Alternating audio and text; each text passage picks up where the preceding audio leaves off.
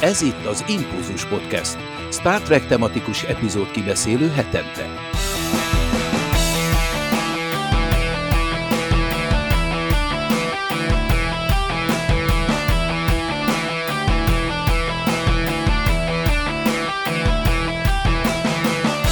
Köszöntöm a kedves hallgatókat, az Impulzus Podcastet hallhatjátok, a 254. adásunkat most megnyitjuk, és Versic Péter van most itt velünk, szia! Hello, sziasztok! Műsorvezető társaimat is köszöntöm, Isú és Nokedli, szervusztok! Sziasztok! Sziasztok! Én pedig Csaba vagyok, Dév pedig később fog majd jönni a szinkronos érdekességek rovatban. Péter, egy kicsit megismerkedünk veled itt a műsornak az elején. Rögtön azt kérdezném, hogy a Star Trek az hogyan jött a te életedbe? Mi volt az első olyan élmény, ami erre a pályára tett? Uh, igazából az első alkalom szerintem, legalábbis amire emlékszem, az, az annó még a szülői házban volt, amikor a régi, régi-régi képcsöves tévén és a, a műholdas adón sikerült befogni talán a SAT egyet, vagy, vagy valamelyik csatornát, és ott játszották ezért a New Generation-t, vagy Generations-t? Next Generation. Next Generation, igen. Ez volt annó a... Vagy németül nem tudom mi a, a címe. Ezt Dévnek Nagyon, nagyon érdekes elnevezéseket adtak németül is a címeknek. És gyakorlatilag ott szerelmesedtem bele ebbe az egészbe, mert teljes áhítattal néztem, hogy uh, micsoda űrhajók, meg egyebek. Aztán a későbbiek folyamán ugye jött a Voyager sorozat, az nagy kedvencem volt végig. Azt oda-vissza szerintem megnéztem egy háromszor, négyszer már. De ezt után... már a viaszaton gondolom. Igen, igen, igen, igen. Ott játszották szerintem végig. Mondjuk, hogy végigjátszották ki, azt nem tudom így hirtelen, mert viaszatnak volt olyan szokása, hogy egy-két egy-két évadot lefelejtettek a végéről véletlenül. Néha takarítónő rossz kazettát e... be, és akkor előfordultak dolgok. Igen, igen, igen. De végül is azért saját szorgalomból, természetesen legálisan torrent shopból vásárolva végignéztem a voyager is. Ami viszont kimaradt egyébként, az a Deep Space Nine. Az valahogy nem jött át. Szóval elkezdted, csak nem tetszett, úgy érted? Tehát úgy maradt... Elkezdtem, szerintem az első évadon végig is mentem, de de úgy aztán, aztán befejeződött a dolog részemről. Majd egyszer, hogyha úgy alakul, akkor lehet, hogy még pótolom. de az a baj, hogy ugye jóval korábban láttam már a Babylon 5 például, és azért az... Az, az a kettő interferál egymással. Igen, igen, igen, igen. Nem volt annyira statikus, mint a Deep Space Nine. Hm. Nekem az volt problémás.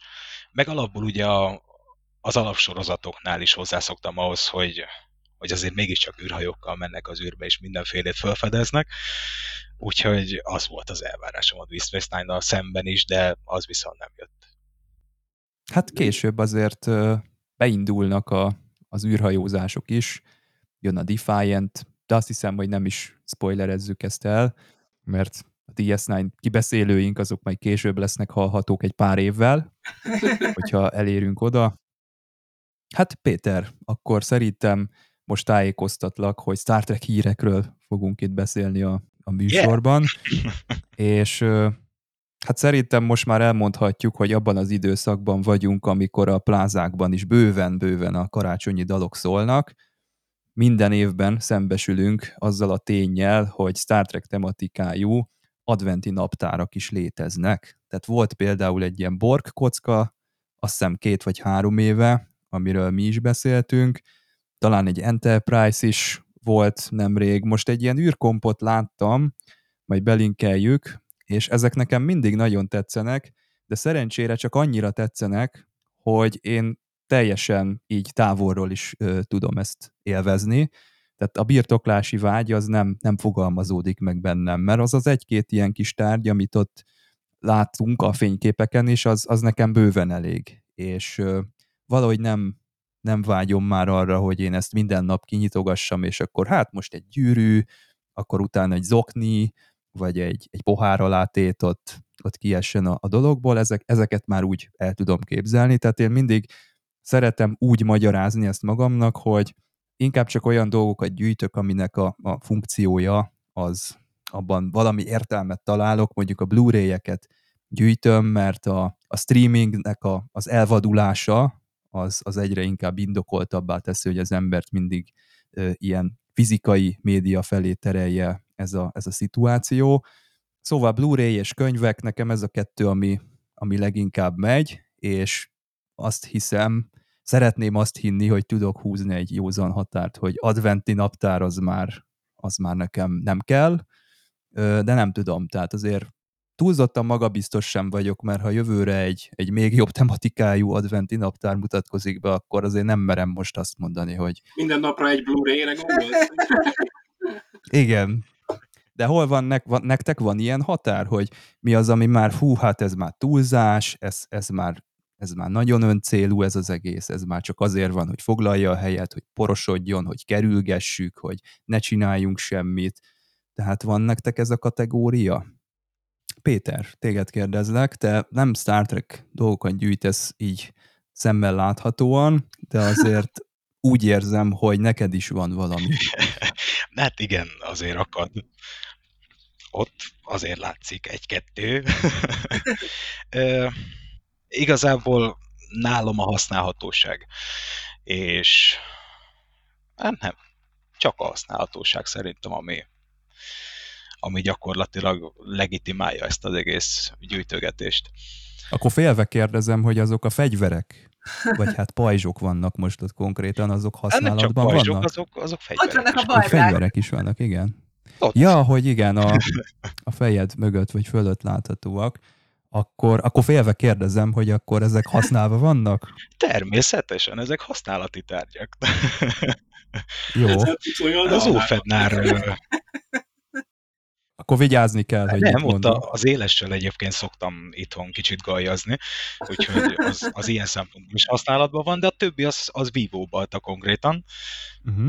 Hozzáteszem, hogy én csináltam őket, még a, a vívós csoportban is csináltam egy jó párat, úgyhogy hát ja, gyakorlatilag ezek használati eszközök mindenféleképpen. Uh-huh. És nem is Klingon Batlet? Nem tudom, akad-e? Azzal szemeznék azért rendesen.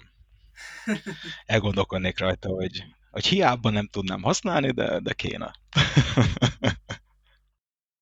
mi oda vagyunk a könyvekért, van egy csomó regényünk, meg ilyen háttérinformációs könyvünk, meg majdnem az egész sorozat meg van lemezem, de ezektől az adventi naptáraktól az árcédulalátári adok elsősorban vissza, hogy, hogy azért ez egy kicsit már túl van a fájdalom határon, vagy fájdalom küszöbön. Én meg hálát adok az árcédulának, mert én meg minimalista vagyok, és dob, dobálnám ki időnként a dolgokat, de nem állítom, hogy nincs néhány éneklő űrkompa karácsonyfa díszek között. Igen azt gondolta az ember, hogy a, a karácsonyfadísz és a sztártakorongás az két külön kategória, aztán kiderült, hogy nem. Hanem, hogy van egy nagyon vékony szeret, ahol találkozik, és akkor így időnként előfordult, hogy a karácsonyfáról Spock köszön be, vagy uh, Shatner kezdi el mondani a híres monológiát. Hát vannak ilyen balesetek, igen, erre felé de igyeksz, igyekszem azért még a, a normalitás határán tartani a dolgokat, tehát nem az összes karácsonyfa Nem az összes karácsonyfa beszélsz hangján. A legtöbb teljesen normális karácsonyfa dísz. Úgyhogy... Nem, egyébként viszonylag visszafogottak vagyunk. Szerintem azért gyűjtögetői szemmel még egészen visszafogottak. De tényleg új polcot már kéne venni a könyveknek és a Blu-ray-eknek, az biztos. Úgyhogy, de a, annak örülök, hogy az, az ilyen adventi naptár, az nincs. És azért egy egész mély nyúl öreg lenni, mert amikor olvassa az ember, hogy a, a nem tudom milyen screenemben használt tárgyakat elelvelezik, a brutális eszeleket megadnak érte gyűjtők, ami tényleg egy kicsit már hátborzongató de hát, hogyha van helyük, meg idejük, meg pénzük, ám tegyék, csak én ezt így távolról így, így, így kicsit elborzadva bámulom, és akkor ennyiben rendben vagyunk. nem fogok eredeti Gorn fejet venni, az valószínű. Most ha eredeti, akkor lehet, hogy megesz éjszaka. Ja, hát akkor pláne, igen. Jó, hát kedves hallgatókat is várjuk, hogyha esetleg van valami extrém dolog a gyűjteményben, akkor azt szívesen olvassuk. Megígérjük, hogy nem lesz judging, meg semmi kinevetés. Tényleg érdekel az, hogy milyen szegmensét szereti a Star Treknek, mert azért itt el lehet tényleg különböző területekre tévedni. Vannak hajógyűjtők is, szerintem ilyen is létezik, sőt, biztosan tudom, hogy létezik ilyen, ezt, ezt ki is jelenthetjük. Szerintem van, aki cosplayezik, és akkor vannak neki egyenruhái, tehát ezek, ezek mind ilyen párhuzamos kategóriák, amik, amik tök jók. Vannak a Funko babák. Igen, meg, meg az a, Igen, az, a nagyon drága, nagyon magas, nagyon nagy izé, akciófigurák, akik mindenféléket lehet velüket Igen, igen. pozícióba helyezni, meg ilyesmi. Tehát igazából elég széles a skála, úgyhogy mi, Meg a mindig, si- sima, ezek, sima akcióbabák is, ugye? igen, képregényekből is van hatalmas mennyiség, hát a 60-as évek vége óta jelennek meg képregények, és ezeket újból és újból kiadják, mert népszerűek. Tehát van, van, van mi, mi felé elindulni, és vannak egész komoly, tényleg olyan gyűjthető dolgok, amikre azt mondod, hogy hát azért, azért, azért, az már elég komoly. Igen. Meg vannak azok a kategóriák, amik bekerülnek a design centeredbe. Igen, hát az a, kevésbé jól sikerült dolog. Figyelem! A következő beszélgetés spoilereket tartalmaz.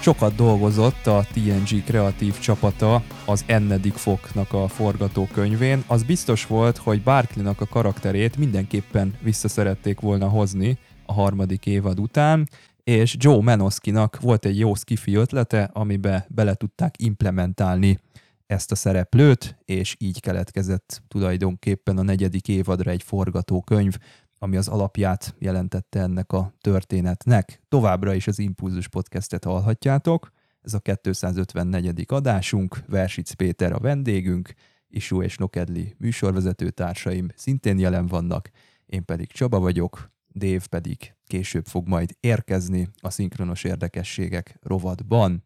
Hát a Barclay szerintem ez egy hálás téma, mert egy olyan embert látunk a, a csillagflottában, aki esendő, és a néző szerintem könnyebben tud kötődni egy, egy ilyen emberhez, mint egy ilyen superhuman, vagy egy advanced human, ö, teljesen tökéletes csillagflotta taghoz, vagy csillagflotta csapathoz. Tehát van itt egy olyan szál, én úgy gondolom, ami, ami a nézőhöz egy rendkívül kedves ilyen, ilyen kis áthidaló szereplő.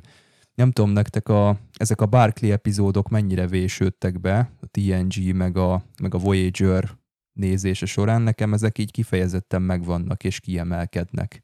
Hát igen, konkrétan a legjobb részek szerintem. Barkley-nak a karaktere gyakorlatilag úgy, tényleg úgy, hogy végig van vezetve egy ilyen nagyon-nagyon hosszú storyline-on, és ráadásul úgy, hogy még a Voyager-nél a, a jövő szakaszban is ö, ugye megvan Barclay karaktere, mert Voyager-t elméletileg ő juttatja vissza már a, a ténykedéseinek a legvégén. Pontosabban igen nagy szerepe van abban, hogy a Voyager vissza tud jutni. Így szerintem a leges-leges legjobb karaktere neki van. Legalábbis a szívemhez a legközelebb ő áll. Hát tényleg az esendősége az valóban, valóban megfogja az embert. Leginkább emberi karakter talán. Ez a jó benne. Igen, tényleg egy jó karakter, és tényleg a TNG-ben ő talán az egyik első, aki tényleg ilyen esendőbb, és nem ilyen szuper mm, haladó, már fejlett mm, ember, mint a, ami ennek a Rodemberi azt mondta, hogy ilyennek kéne lenni a társadalomnak, hogy már a 24. században ilyen mindenki, és akkor a jön Barclay és megmutatja, ő az első ilyen repedés a falon, hogy megmutatja, hogy valójában azért nem mindenki, törekszenek rá, vannak, akik már ilyenek, de hogy nem. És tényleg emiatt így kiemelkedő, hogy ő, hogy ő tényleg esendő. Nekem nem feltétlenül ő a kedvencem, de, de, de kedves karakter, szóval, hogy jó pofa, vicces jelentek vannak vele, például a, az előző epizód, a Hello Pursuit, vagy azt hiszem Álomvilág volt a magyar címe, hogy az is egy nagyon jó pofa és vicces rész volt, mert először látjuk talán más ember perspektívájából a hőseinket. Tehát, hogy ő hogyan látja mondjuk a Rikert, vagy a Diannát, ugye itt a, meg. Uh, és a másik epizód, ami majd meg később lesz, a Realms of Fear, az is nagyon emlékezetes volt nekem. Érdekes módon ez az Ernst ez egy kicsit kiesett, szóval, hogy most uh, kicsit friss szemmel néztem, hogy hó, valami rémlik belőle, de annyira nem maradt meg, de Barkley, mint karakter, az mindenképpen emlékezetes volt számomra, úgyhogy abszolút. Én a Barkley-t az első két-három epizódjában szerettem nagyon, mert itt volt az, amikor legigazából, legigazából látszott, hogy bekövetkezett egy fejlődés a karakterében. Én az első részében, a Hello Pursuits-ben egy kicsit kicsit furcsának éreztem. Nyilván együtt éreztem vele, hogy egy olyan társadalomban próbál eh, kicsit teszettosa módon eh, érvényesülni, akik már annyira tökéletesek, és ez nagyon furán eh, jött ki, de itt ebben a részben, amikor már látjuk, hogy azért itt már próbál beille, jobban beilleszkedni a környezetében, ez egy ilyen tök felüdülés volt, hogy, hogy igen, azért ha oda teszi magát, akkor, akkor, akkor tud fejlődni, és ez nagyon szimpatikus volt, és ebben a részben, a mostaniban meg kifejezetten tetszett még az, hogy a színész nagyon jó.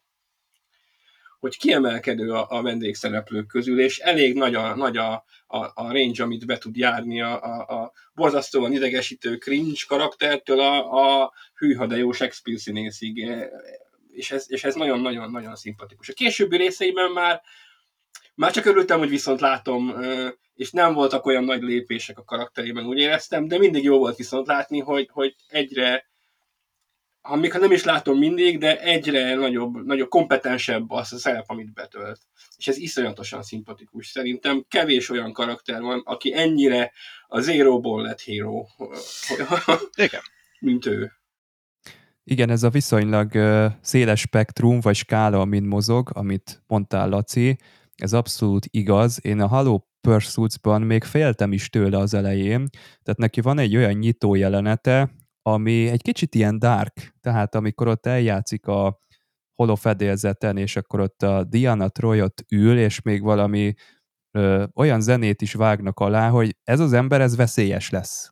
Tehát, hogy ott az elején a Riker még le is cseszi valami miatt, és ott még alakulhatott volna úgy is a történet, hogy ez az ember egyszer csak felrobban, vagy lesz egy ilyen implód jelenség, és ez valakit megöl, vagy nem tudom, tehát történik valami drámai fordulat. Nyilván ez nem a TNG-be ö, mehet ez a, ez a dolog, hanem ez inkább a Breaking Bad című ö, széria, de én abszolút láttam egy, egy, egy ilyen, ilyen vonalat a, az elején, és ezért jó a, Dwight Schultznak ez az interpretációja, mert abszolút belefér egy, egy ilyen is, és nem nagyon tudjuk kiszámítani, hogy, hogy ő mit fog csinálni a, a következő jelenetekben, hogy, hogy mi fog vele történni, akár egy ilyen külső behatásnak az eredményeképpen. Most is egy teljesen másik figurát kezdett hozni, mint az ő alaptermészete, de már az alaptermészetéhez képest is, amikor az elején látjuk a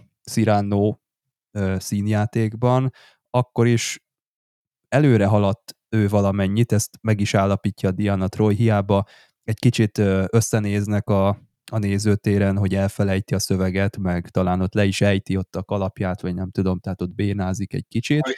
De, igen, tehát, de mindenképpen meg kell állapítani, hogy, hogy önmagához képest egy hatalmasat fejlődött, csak ő, ő belülről nem így látja, és szomorúan ül le oda a székre, és azt azt nem tudja úgy komolyan venni, amit a Troy mondott neki, hogy hát ne, ne ö, tekintsen úgy magára, ilyen szigorúan, hanem, hanem igenis lássa azt a fejlődést, hogy néhány hónappal ezelőtt még, még nem tudott kiállni az emberek elé, és most itt van egy, egy színdarabban. Nyilván nem lett belőle top színész, de, de az önmagában haladás, hogy, hogy egy ilyen társasági eseményen ő meg tud jelenni. Az egyébként nagyon érdekes volt ez a beszélgetés, hogy mi a különbség, hogy a fantázia az a színházban jelenik meg közönség előtt, vagy pedig, hogy ő egy ilyen sötét módon használja ugye a holodek függőségét arra, hogy kiélje magát a fantáziáját, mert végül így is úgy is fantáziavilág, viszont nagyon érdekes az is, amit a Diana mond, hogy igen, de ez egy ilyen interakció a közönséggel, interakció a többi emberrel, most már ezért jön ki ebből a, az addikcióból, és a, és a színház az ugye az egy speciális dolog, nem, nem ugyanaz, mint amit ő a holodekken csinált. Ez így még, még akkor is, hogyha sok-sok színházi ember szerintem valamilyen módon addiktív. nem beszéltünk alkoholról, vagy, vagy súlyosabb dolgokról, vagy csak egyszerűen csak a szereplés vágyáról. Tehát az is egy addikció, de mégis egy ilyen, egy ilyen előrelépés volt ez. Igen, de szerintem tényleg az interakció talán a más emberekkel az, ami a kulcs, amire ott a Diana akar kiukadni.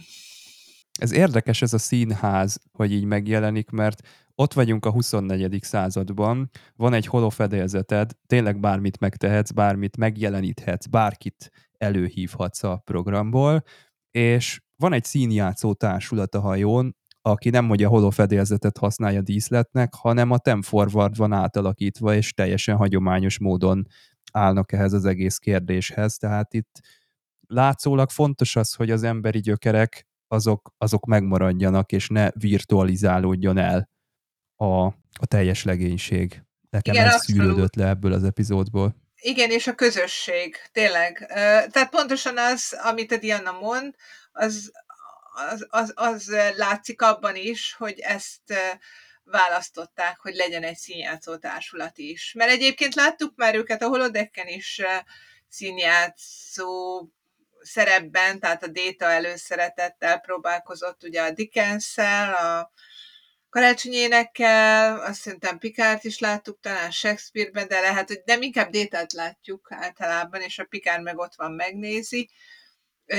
Végülis ott is már egy kis közönség van, tehát valamennyire már az is színház, de talán itt jelenik meg először, hogy van színjátszótársulat, és talán itt jelenik meg először, igen, hogy a Dr. Crusher az, aki vezeti ezt. Ugye azt láttuk már a DTSD-ben, hogy, hogy ő táncol, és hogy ebben van tapasztalata, és hogy ezt vitték tovább, hogy van neki egy ilyen hobbija a növényeken kívül, hogy, hogy a szintársulatnak ez a vezetője. Ez egyébként szerintem időnként még vissza fog térni, ami jó, hogy már így egy kicsit építenek egymásra az epizódok. Hm. Szerintem igazából ez az egész színjátszósdi, ez valószínű azért lett beépítve a legénységnek az életébe, hogy legyen egy ilyen csoportterápiás működés is. Tehát ne csak egyéni foglalkozások legyenek, ugye, mert az, az látjuk is Berkeley-n keresztül, hogy azért bele is foglalkoznak jó kedvelbősége pszichológiai szempontból, hanem hogy legyen egy, egy konkrét csoportos terápia, és mindenki lássa a másikat egy kicsikét szenvedni. Nagyon fontos egyébként csapatépítő jellegű. Igen, abszolút csapatépítés megy. Nem tudom, hogy ez mennyire terápia, hogy mennyire gondolnak úgy, hogy, mert a Bartley esetében terápia, az, hogy bevették a, a ebbe a szintársulatba, és hogy most játszik, az számára biztos, hogy terápia, de hogy minden karakternek egyébként úgy érzi-e, ez szerintem a, az új nemzedék még nem annyira hangsúlyozza, hogy a karaktereinknek azért terápiára van szüksége, pedig ha megnézzük, mi mennek keresztül hetente, két hetente, akkor szerintem egyetérthetünk, hogy kellene nekik terápiára járniuk, de hogy itt még ugye az van, hogy ők, ők annyira fejlettek, hogy nekik már nem feltétlenül van erre szükségük de egyébként jó, amikor rájönnek, hogy mégis. Kétségtelen, hogy fejlettek, de, de elvégre össze vannak zárva egy hajóba. És relatíve korlátozott ugye a létszám, folyamatosan mennek, folyamatosan mennek a felfedezések, relatíve ritkán kötnek ki, vagy mennek el a dogba, vagy űrállomásra, vagy bárhová, és kicsit hasonlóan, mint a, mint a tenger alatt járó tisztek és a tenger alatt járon szolgáló emberek, meg a hosszú hajó utazásokon szolgáló emberek, biztos, hogy nekik is kell valamilyen, valamilyen kikapcsolódás és valamilyen extra foglalkozás. Uh-huh. A körkapitány idejében ez úgy volt, hogy ilyen uh, cicanadrágban, tornateremben birkóztak a, is, az emberek félmeztelenül. Az egy kis, kis is birkózós, van, harcásos feszültséglevezetés gyakorlatilag. Ez is hasonló. Worfnak is vannak tai chi órái, Igen, nem? ilyen. Nem, nem. magbara talán. Ja, bocsánat. Klingon tai chi. Klingon tai chi. Én azokat is nagyon szeretem. Én egyébként mindig nagyon szeretem, amikor egy-egy, látunk egy epizódot, és akkor vagy az elején, vagy a közepén egyszer csak így belecseppenünk a, a hajó minden napjaiba. Szerintem egyébként ez az Enterprise elég nagy ahhoz, hogy tehát, hogy ez a tenger alatt járó inkább ilyen szűk tér és, és kicsi feltételez, inkább olyan, mint egy úszóváros, tehát, ugye, vagy, vagy mondjuk egy luxus, tényleg egy luxushajó, hogy, hogy nagyon sok minden ilyen szabadidős programot próbálnak maguknak megalkotni, hogy mindenki ugye kreatív is legyen, meg, meg tényleg a hobbiának is élhessen. Aztán lehet, hogy ez amiatt is van, hogy ugye azt tudjuk, hogy ugye a föderációban már nincsen pénz, a gazdaság hát egy ilyen, mind, mind, hát hogy is mondjam, ez a nem kommunista azért, de hogy gyakorlatilag már valami egészen érdekes, amikor nem azért dolgozol, mert ugye szükséged van rá, hanem azt csinálsz, amihez gyakorlatilag kedved van, vagy hogy úgy érzed, hogy ezzel hozzájárulsz a közösséghez. És ugye ez jelenik meg ugye itt a csillagflottában is, hogy, hogy azon kívül, hogy ugye elvégzik ezt a, a, a felfedezéseket, meg minden, mindenki azért kielheti valamennyire a hobbiát, és így nagyon jó látni, hogy miket találnak ki. És itt tényleg talán említik is valamelyik részben, hogy, hogy vannak ilyen iskolai színi bemutatók, meg hát ezek szerint van ugye ez a kis szintársulat, de van úgy, hogy zenekarban lehet játszani, vagy festeni, vagy, vagy igen, a Worfnak a Klingon Tai Chi óráin venni részt, úgyhogy, úgyhogy nekem nagyon tetszenek, amikor látjuk őket így a szabad idejükben. Mindig vannak tematikus ünnepek is. Úgy elég sok részben feltűnik, hogy gyakorlatilag a bárban tartanak mindenféle kis születésnapi zsúrokat, meg ilyen dolgokat, úgyhogy az is, az is megvan mindenképpen. Igen, abszolút. Meg van, igen, majd lesz nem sokára a Pikár kapitány nap. Valami itt a... Na, hát amikor a Star Trekben megjelenik egy szonda, akkor az egyfajta ilyen varázseszközként is tud működni. Például ebben a, az epizódban azonnal beindítja csettintésre a, az epizódnak a fő hajtóerejét. Tulajdonképpen átalakítja Barclay-t. Amúgy érdekes, hogy a, az Enterprise vizsgálja ezt a hatalmas nagy távcső komplexumot, amiben 18 darab reaktor van. Na most én nem értek a 24. századi távcsövekhez, de ez kicsit túlzásnak tűnik számomra. Mi romolhat el vajon? komplex feladat.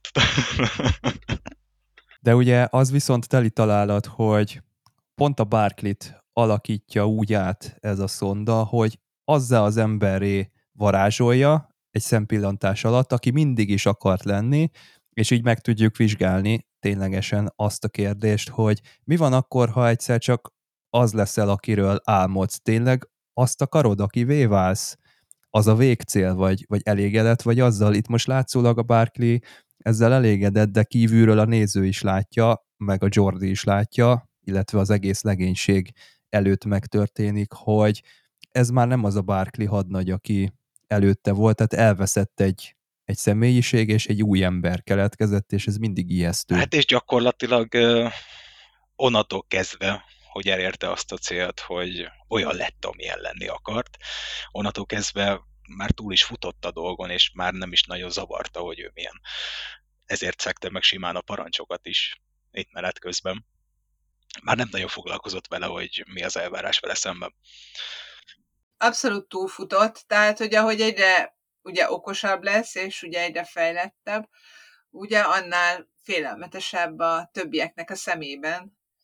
És uh, ugye ezt már talán többször is uh, volt a Star Trekben, vagy hát legalábbis a leghíresebb, amikor volt, ugye így indították a Tost, amikor másodszor elindították, a Verno Mengam Before-ban, ugye a Gary Mitchell-t is megrázta az áram, és szuper ember lett belőle, meg aztán a barátnőjét is, vagy Elizabeth, nem tudom kicsodát, és és hát ott konkrétan, ahogy így egyre okosabb lett, meg egyre hatalmasabb, konkrétan azt láttuk, hogy, hogy a, a Körk már akkor igazából azt tervezkedte, hogy kénytelen lesz megölni, amikor még igazából félig meddig még a barátját látta benne. Nekem egy kicsit fura is volt, de most nem azt az epizódot nézzük meg, hogy, hogy ennyire félelem, itt kevésbé érződött, de, de érződött. Érződött, hogy azért a legénység rögtön így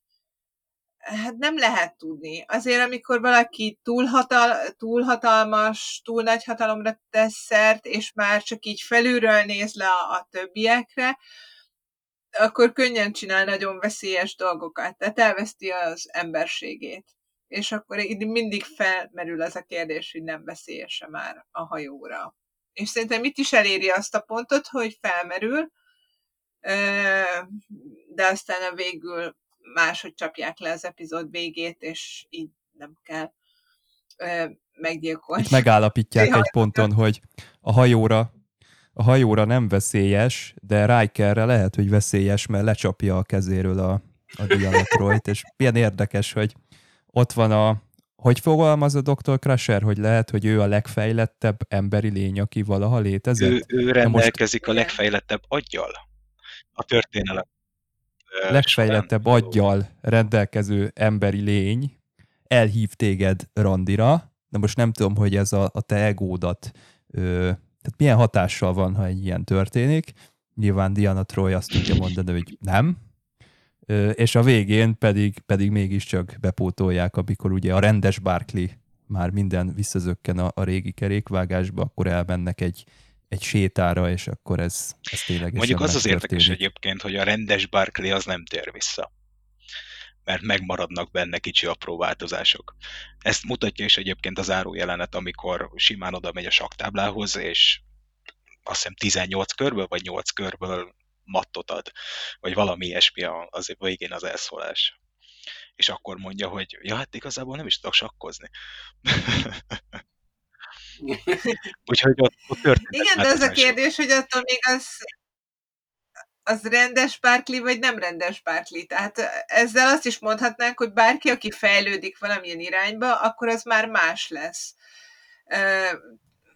én ezzel nem értek egyet, tehát hogyha valaki önmagához képest fejlődik, attól még lehet saját maga. Jó, mondjuk igen, az a sakkozás az, az egy ilyen különleges, de hogy, hogy ez egy nagyon érdekes filozófiai kérdés, hogy akkor meddig ő saját maga, és mikortól egy teljesen másik ember. Mert az biztos, hogy, hogy amikor ott igazán nagyon intelligens, akkor ott máshogy reagál másokra, mások is máshogy reagálnak rá, ott már tényleg mi úgy érezzük, mint hogy egy másik karakter lenne, de mi, a, mi az a határ, amikor az és mikor nem. Úgyhogy ez szerintem egy jó pofa dolog volt. Mondjuk ellopták a, a virágot Algernonnak a sztoriából, de szerintem nem is igazából titkolták. Azt hiszem Joe Menoski az, kifejezetten mondta, hogy igen, ezt onnan vette.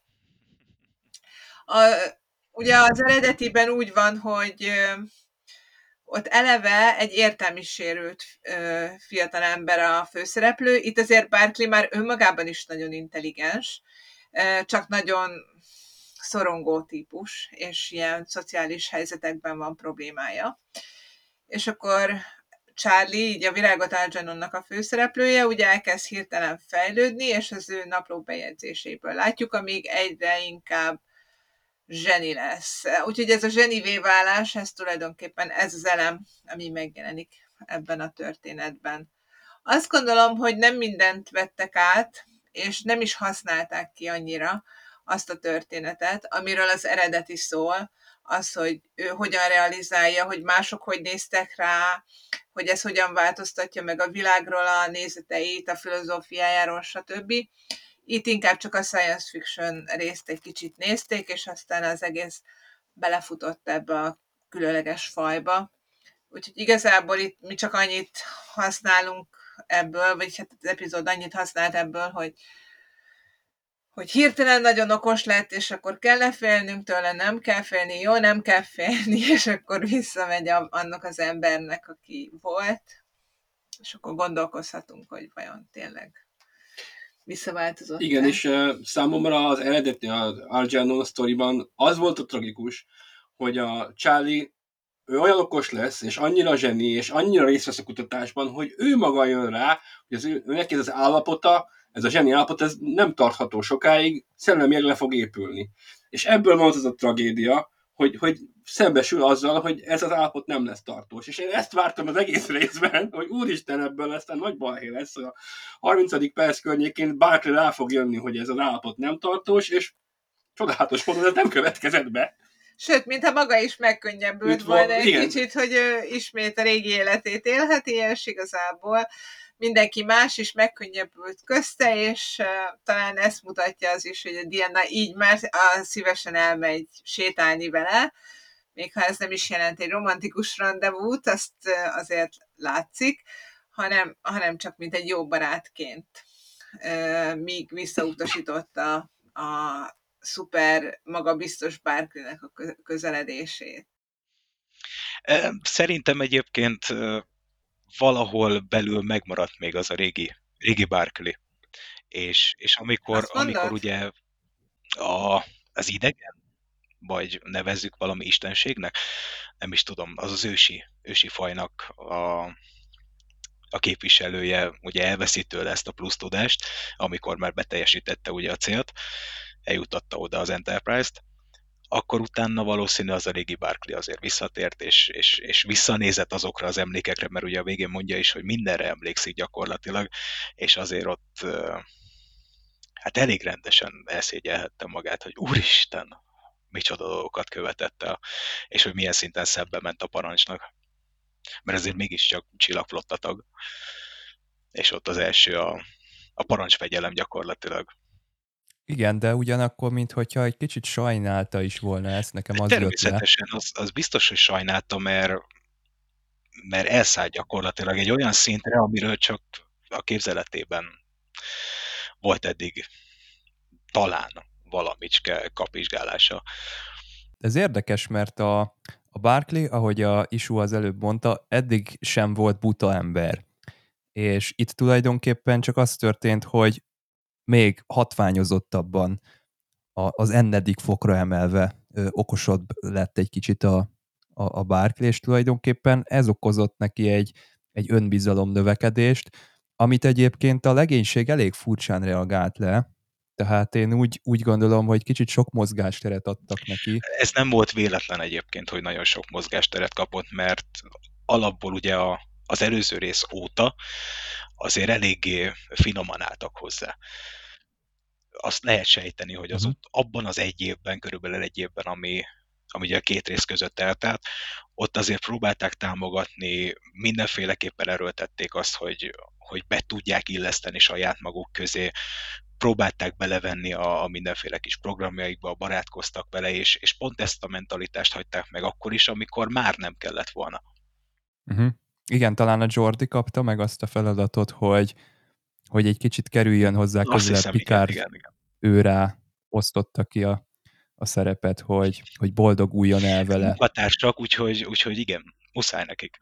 Végül is ő dolgozik vele a gépházban, logikus, de mindenkinek megvoltak vele a, a, a körei, amíg, amíg eljutott odáig, hogy ah, basszus, ez nem, nem biztos, hogy tolerálható például, amikor a Diana Troy mondja a holofedélzeten az előző epizódban, hogy hát ez egy egészséges fantázia, ezt, ezt nem szabad korlátozni, ez itt nagyon jó, hogy a holofedélzetben ezt csinálja, amíg meg nem látja ugye magát, saját magát, és ak- akkor ő, ő borul ki, és akkor mondja neki a Riker, hogy na, egészséges fantázia, ez, ez még belefér?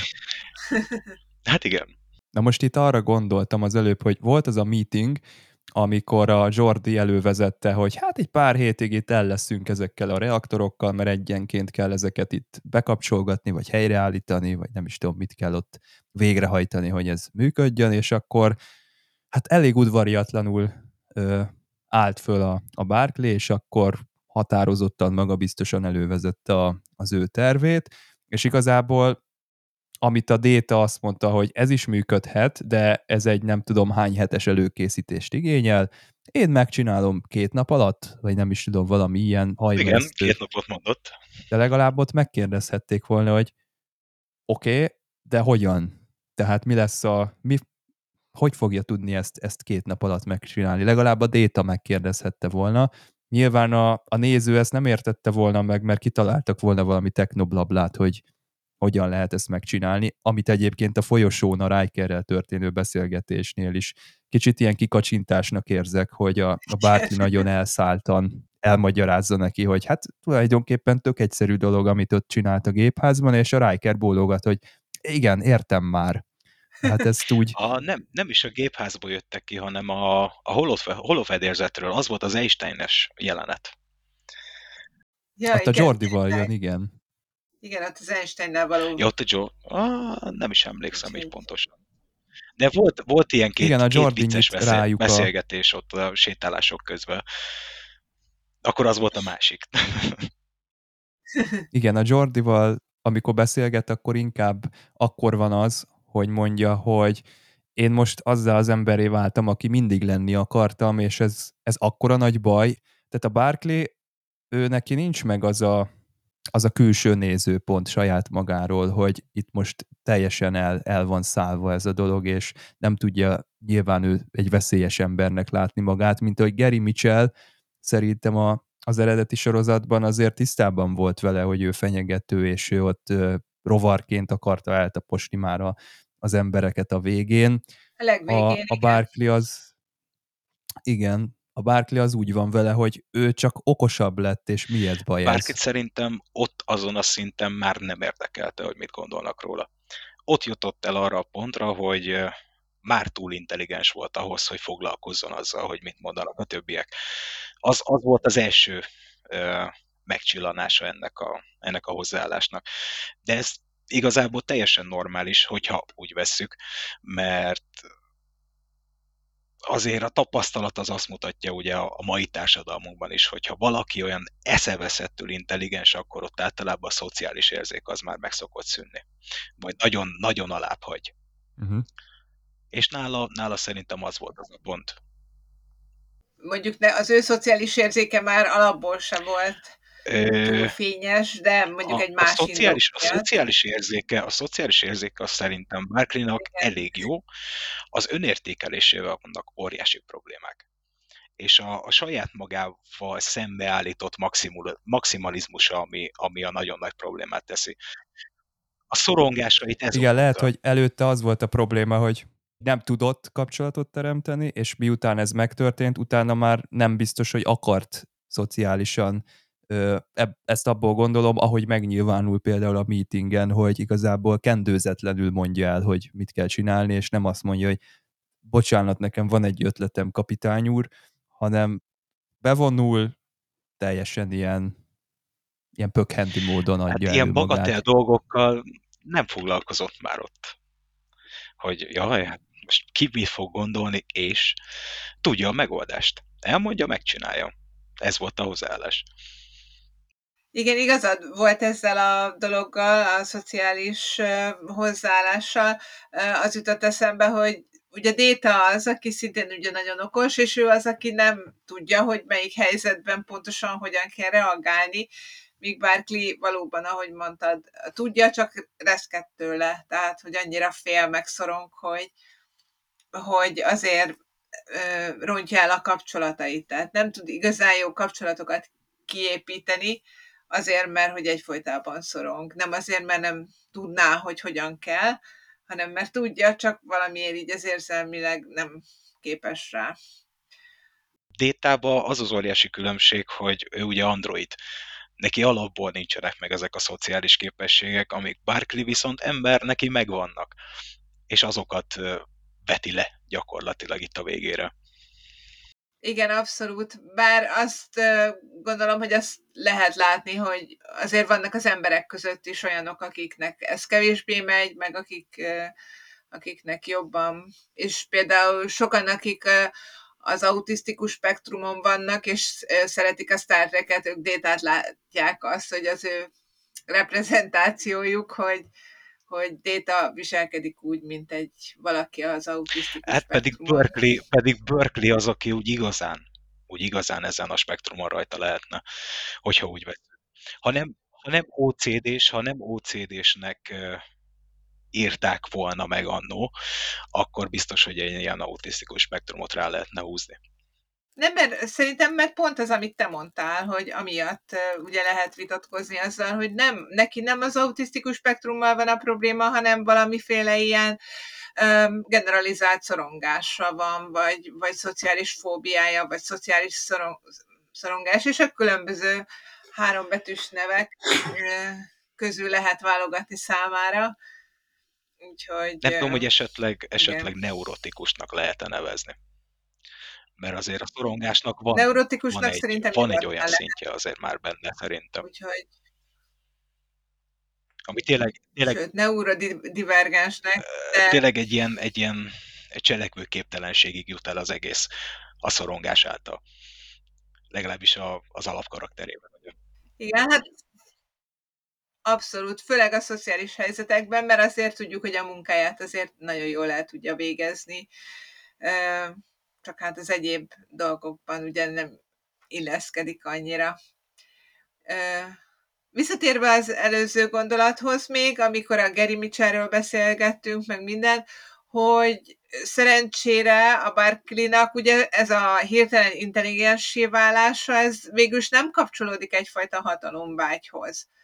A, amit ugye a legénység nem tud, és egy kicsit ezért reagálnak rá félelemmel, de hogy végül is nem pont ugyanaz történik, hogy minél okosabb, annál inkább hatalmasabbnak érzi magát. Igen, egy kicsit lekezelőbb, igen, nem tartja be a szabályokat, igen, már megy a saját feje után, de nem akarja eltaposni a többieket, mint bogarakat, vagy nem akar uralkodni rajtuk.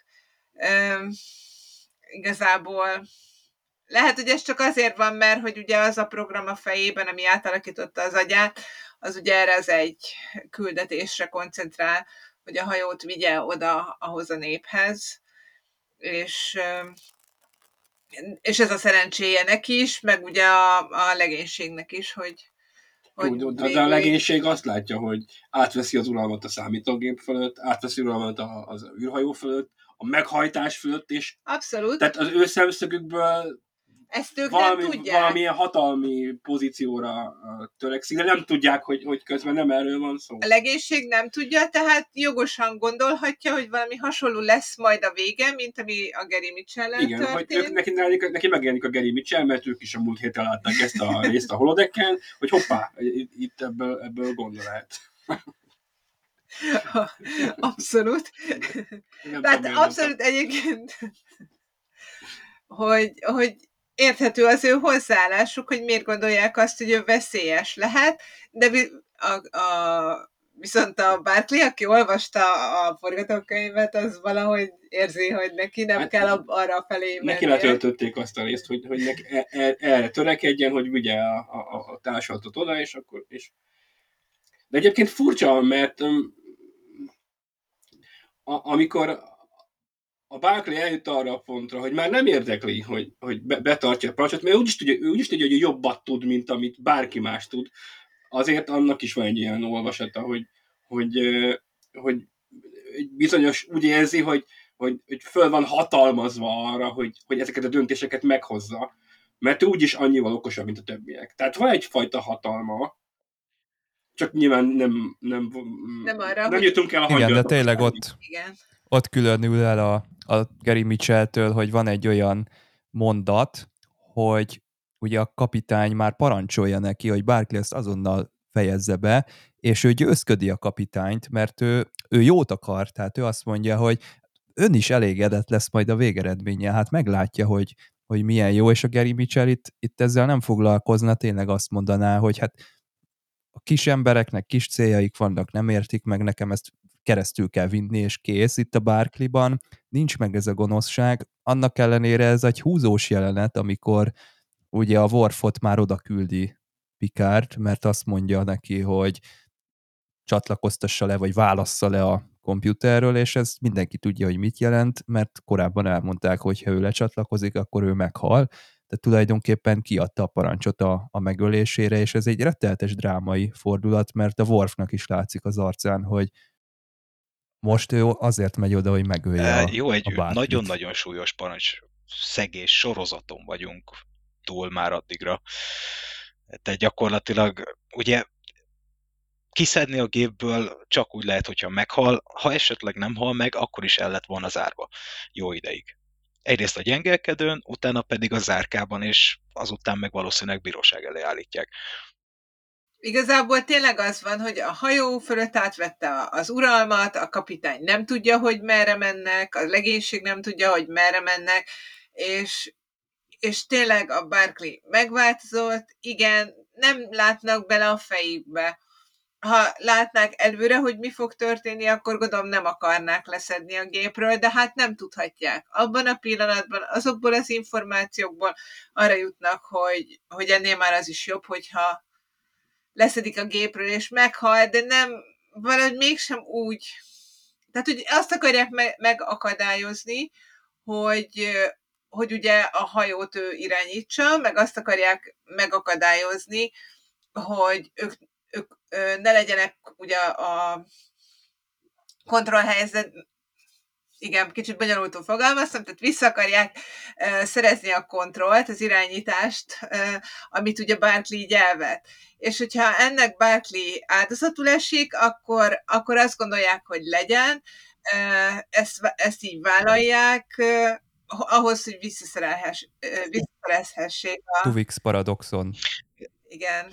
Még a Gary Mitchellnél effektíve úgy érzik, hogy magát a Gary Mitchell-t kell megölni ahhoz, hogy ne történjen nagyobb tragédia. Tehát míg a Barkley halála úgymond egy ilyen mellékáldozat, amit hogyha anélkül meg tudják csinálni, hogy meghalna, akkor még jobb, örülnek neki. A Gary Mitchellnél meg abszolút meg akarják ölni, hiszen másképp biztos, hogy valami nagyon súlyos következménye lenne. Jó, de arra mondjuk számíthattak volna.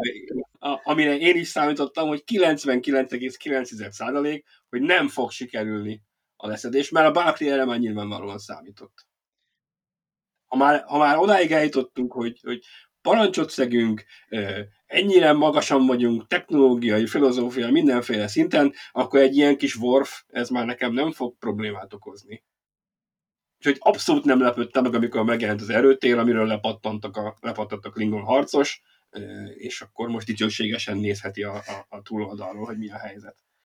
Hát a, a nézőnek nem meglepő, de Isu mindig azt szokta mondani, hogy te szereted a karakternek a, a bőrébe képzelni magadat, és én a, ilyenkor a Worfnak a bőrébe képzeltem magam, hogy konkrétan oda küldték őt megölni a, a másik legénységi tagot, tehát ennek a drámáját én, én át tudtam azért érezni, és ez, ez egy kemény szituáció volt ebből a szempontból.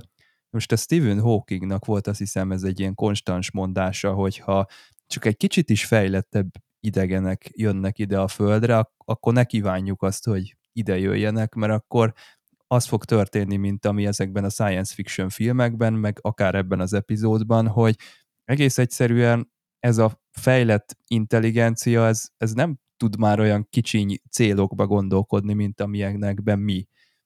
Ő hozzá képest, ez egy, ez egy másik skála, egy, egy, egy másik, van, egy másik nagyon jó sorozat, amit ö, tudok ajánlani, most egy kicsit kiborítom a bilit, ez a Stargate Universe, ott is van egy ilyen karakterünk Robert Carlyle-nak a, az alakításában, aki egy viszonylag okos ember, és neki megvannak a saját céljai, hogy mit kell csinálnia a Destiny-nek, mit kell csinálnia annak a csapatnak, és ő igazából a saját kezébe veszi a dolgot, és rohadtul nem érdekli, a, a, hogy ott még emberek vannak vele egy hajón rekedve, ő még élvezi is ezt a helyzetet, hogy ez a évezred tudományos felfedezése lehet, és igazából mindig kihúzza a gyufát, újra és újra eljátsza a bizalmat, mindig összeverekedik a, a Young ezredessel, és, és mindig ugyanazokat a, a köröket lefutja, de a Robert Carlyle nagyon-nagyon jól hozza ezt a szerepet, és, és igazából az egy, már csak miatta is, vagy akkor úgy mondom, hogy mivel sokan nem szeretik azt a sorozatot,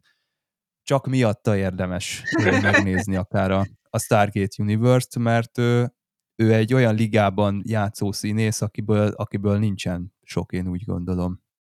Hát főleg, hogyha nem idegesítenek ezek a karakterek, mint, mert én annyira oh, nem, nem bírtam nézni őt, tehát annyira, annyira nem az, hogy irritált, hanem hogy pont ez a típusú ember, oh, ne, nem a kedvencem mondjuk, Úgyhogy inkább azt mondom, aki viszont nem szereti ezt a karaktert, de Robert Carlyle-t azt megnézheti, mert a Once Upon a Time című sorozatban is nagyon nagyot játszott. Tehát ugyanazt a karaktert játszott is. De igen, de ott ő a kis gonosz manó az ott él, élet hozzá. Rumpelstiltskin. Igen, viszont visszatérve erre a holofedélzetről, vagy a, az interfész ülésből kiszedésre, azért az, hogy Worf gyakorlatilag mit érez, az teljesen irreleváns ebből a szempontból, mert ő nem véletlenül biztonsági főnök, mint Klingon. Tehát náluk az, hogy, hogy valakit tényleg ki kell szedni, és az esetleg meghal, hát az szerintem annyira nem probléma. Jó, de nem a saját legénységéről szokott általában konfrontálódni. Viszont, nem? Tehát, viszont hogy... egy nagyon erős parancs végrehajtó jellem. Igen, az igaz. Meg mondjuk nekik ke- kettőjüknek nincs olyan erős kapcsolódásuk, tehát hogy ez akkor lenne igazán tragikus, hogyha valaki, olyas valakinek kéne ezt a döntést meghozni, aki az adott karakterrel nagyon erős kötődésben igen, van. Igen. És itt most szerint hát szerencséjére a Worfnak ugye nem ez a helyzet, úgyhogy itt szerintem a lojalitása a pikár és a legénység és a hajó iránt az, az erősebb, és hogyha ki kell szedni a bárkit a székből, akkor ki kell szedni a bárkit a székből, hogy így megmentse az Enterprise-t. Ez egy érdekes kérdés, mert ezzel az epizód nem foglalkozik, de, de a Worf a Klingon kultúrában ugye úgy működik, hogy egy Klingon hajón nincs abból gond, ha hát megölöd pontosan. a másik Klingont. Viszont... a főnököd. Akkor még külön jó is. Viszont itt nem... Igen, hát ez úgy illik ez a, ez a előre menetelnek a természetes módja, de itt emberek között van, tehát a, azért itt nem csinálhat azt, amit akar. Ugye csúnyán is nézett rá a Pikára a Redemptionben is, amikor ott át vonult a másik hajóra, és Butlettel jól megölte azt a másik klingont, azért ott, ott nem örült neki a Pikár, hogy egy ilyen dolog történt. Nyilván ez a Pikárnak a szemszöge. Tehát én Worfnak az álláspontját, én abszolút humanizáltam most őt. Én úgy, úgy helyezkedtem bele az ő bőrébe, hogy ember, és, és az ő saját legénységi. Most attól függetlenül, hogy mennyire van vele jóba, azt én, azt én azért egy húzós helyzetnek ítéltem Gyakorlatilag meg. Wolfnak a, a karakterét nem lehet emberként kezelni. Sajnos. Mert folyamatosan az egész sorozaton, nem is tudom hány évadon keresztül végigmegy az ő, ő vívódása, hogy ő, ő ugye emberszülőknél volt, és ugye a Flotta Akadémián is végigment, tehát az emberi alapjai gyakorlatilag megvannak, viszont mégiscsak Klingon és nem tudja, nem tudja levetkőzni, nem tudja levetkőzni a, a klingonságát. Viszont szerintem ebben a szituációban szerintem mégiscsak ember, mert ö, állhatott volna ott a tasajár is, hogyha még életben lenne, tehát ebből a szempontból ott van a biztonsági tiszta hídon, neki kell végrehajtani a parancsot, tök mindegy, hogy Klingon vagy ember, és az, hogy Klingon, azt szerintem itt a az epizódnak a szempontjából mindegy, szerintem csak mi elemezzük ezt ilyen alaposan, hogy hát igen, ők a Klingon hajón az nem is baj, hogyha még meg is öli a másik Klingont, meg, meg minden. Itt, itt szerintem nem jut el idáig a, a történet, és ezért van az, hogy én, aztán lehet, hogy más teljesen máshogy látja, hogy, hogy én egy emberi tragédiaként látom ezt a, ezt a parancsot. Csak egy pillanatra látom azt a, azt a képet, ahogy a Picard ránéz a Worfra, a Worf visszanéz rá, mindketten tudják, hogy mit jelent a parancs, nem mondják ki egy kölyük se, hogy, hogy meg kell ölni, de oda kell menni, és meg kell ölni, tehát ennek a, ennek a súlyát érzem én a De ez, ez Picard vállára is nehezedik. Sőt, sőt, talán ővé a legnagyobb felelősség és a legnehezebb döntés. De mondjuk abból a szempontból nem nehéz a döntés, hogy nyilván neki kell választani, hogy akkor most egy ember élete, vagy a, nem is tudom, ezen az Enterprise-on hányan szolgálnak. Ezernél többen valamivel. És vannak családok, meg gyerekek is. Azért, az ezerben, tehát nem annyian Azért ott meg kell hozni a döntést. És az az egy ember, az, az egy járulékos veszteség ebből a szempontból. A, abszolút szerintem amúgy jó döntést hozott, és ezt kellett tenni, de, de mégiscsak nehéz. nehéz. Főleg úgy, nehéz hogy Picard külön kiáll Barkley mellett folyamatosan. Minden, minden döntésével és utasításával, Igen. hogy már pedig illeszétek be magatok közé. Ugye? Na és mit szóltok ahhoz, hogy van egy szitériai faj, akik úgy ismerkednek másokkal, hogy belemásznak a kompjúterükbe, jobbik esetben, rosszabbik esetben belemásznak egy emberbe, és átalakítják őt egy szuperkomputerrel teljesen kompatibilis egyénné, és oda rángatják magukhoz 30 ezer fényévre a, az adott illetőt, és akkor ez, ez egy kapcsolatfelvételnek van most nevezve.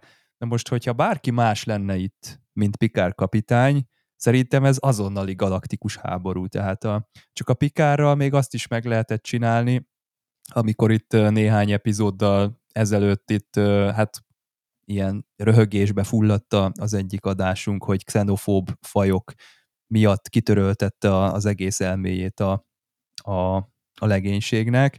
Ott is azt mondtuk, hogy hát azért Körkesz lehet, hogy nem hagyta volna, és itt is, hogyha egy Klingon hajót vonz így oda, vagy egy, egy bármilyen más hajót, én nem, nem látom azt, hogy az első pillanatban ne történt volna az, hogy te atya úristen, mit művelt velünk ez az ember, hát azonnal ezeket tüzet kell rá. Kérdés, nyitni. hogy egy Klingon hajót például oda tudott -e volna-e bonzani egy ugyanilyen megoldással a többi Klingon levágta volna már valószínűleg azt a szuperintelligenst. Ja, az le, Mert igen. ők nem hagyták volna, hogy, hogy elfoglalja a komputert. Hát, de ha szuperintelligens a Klingon, akkor valahogy szigeteli magát. Egész érdekes ilyen gondolat vonalakat lehet indítani, hogy és akkor ha klingonok, ha romulánok, és a vulkániakat hozza ide, vagy ha nem tudom, nem, Itt visszatérve egyébként, a, hogyha teljesen más lenne ott, kezdetű mondatra. Egy ugyanilyen elfoglalás ugye szuperkomputerrel átalakítja egy ember agyát, és akkor úgy össze, össze-vissza összefűződik gyakorlatilag a komputerrel. Ez tiszta borg egyébként. Azonnal zöld kocka megjelenik, és akkor tök jó minden. igen, bár az a rész hiányzik, hogy mindenki mással is összekapcsolódik. Tehát a számítógéppel összekapcsolódik, igen, igen. Csak hogy a mindenki, mindenki más, az hiányzik belőle. De jó meglátás, igen, érdekes. Na, viszont ha már így Isten jellegű fajról beszélünk, ugye nagyon sok történetben azért ez föl van dolgozva, hogy oké, okay, hogy megvannak az abban az időpillanatban egymással szinkronban, egymás mellett élő idegenfajok kommunikációja, találkozása és, és működése, viszont mi van a korábbi fajokkal? És például ez az Isten jellegű, vagy, vagy nagyon öreg jellegű fej Isten, vagy, vagy, vagy nem is tudom, minek nevezem én ezt a fajt. A szitériaiak, tök mindegy. Ők gyakorlatilag egy sokkal-sokkal korábbi megnyilvánulásai az életnek. Úgyhogy ebből a szempontból ez is érdekes megvilágítása ennek, ennek a sztorinak.